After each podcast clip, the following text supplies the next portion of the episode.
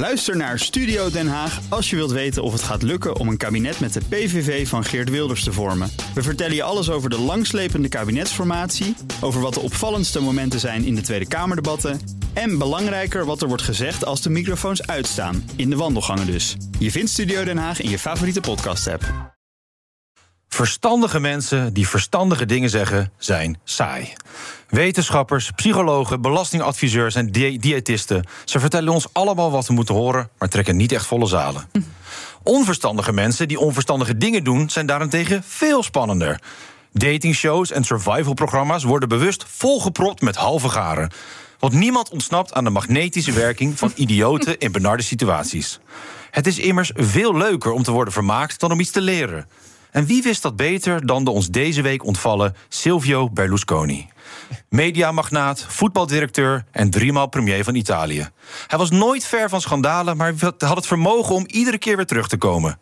Hoe anders had zijn land eruit gezien als hij met evenveel energie had gewerkt aan haar toekomst als het herstellen van zijn eigen haarlijn? Italië wordt gezien als een politiek laboratorium. Grote maatschappelijke verschuivingen worden hier vaak voor het eerst zichtbaar. Berlusconi had in zijn leven 35 strafzaken aan zijn broek. Van machtsmisbruik tot seks met een minderjarige. Na zijn enige veroordeling in 2013 wegens belastingfraude noemde hij zich het slachtoffer van een gerechtelijke intimidatie die ongeëvenaard is in de beschaafde wereld. Je zou haast denken dat de satelliet in Trump Tower regelmatig staat afgesteld op Rai Uno. Nog pijnlijker is de teleurstelling bij de gedachte van wat mensen hadden kunnen zijn. Met zijn enorme talent en persoonlijkheid stuurde Boris Johnson zijn land in de waanzin van Brexit. De schandalen en de chaos die hij zelf creëerde, kost hem uiteindelijk de kop. Hij trad deze week zelfs terug als lagerhuislid en droop af in een gedeukte Toyota gezinsauto. Een demoskee van proportie. Daar kan zelfs Matthijs van Nieuwkerk niet tegenop. Dat is toch wel echt fantastisch.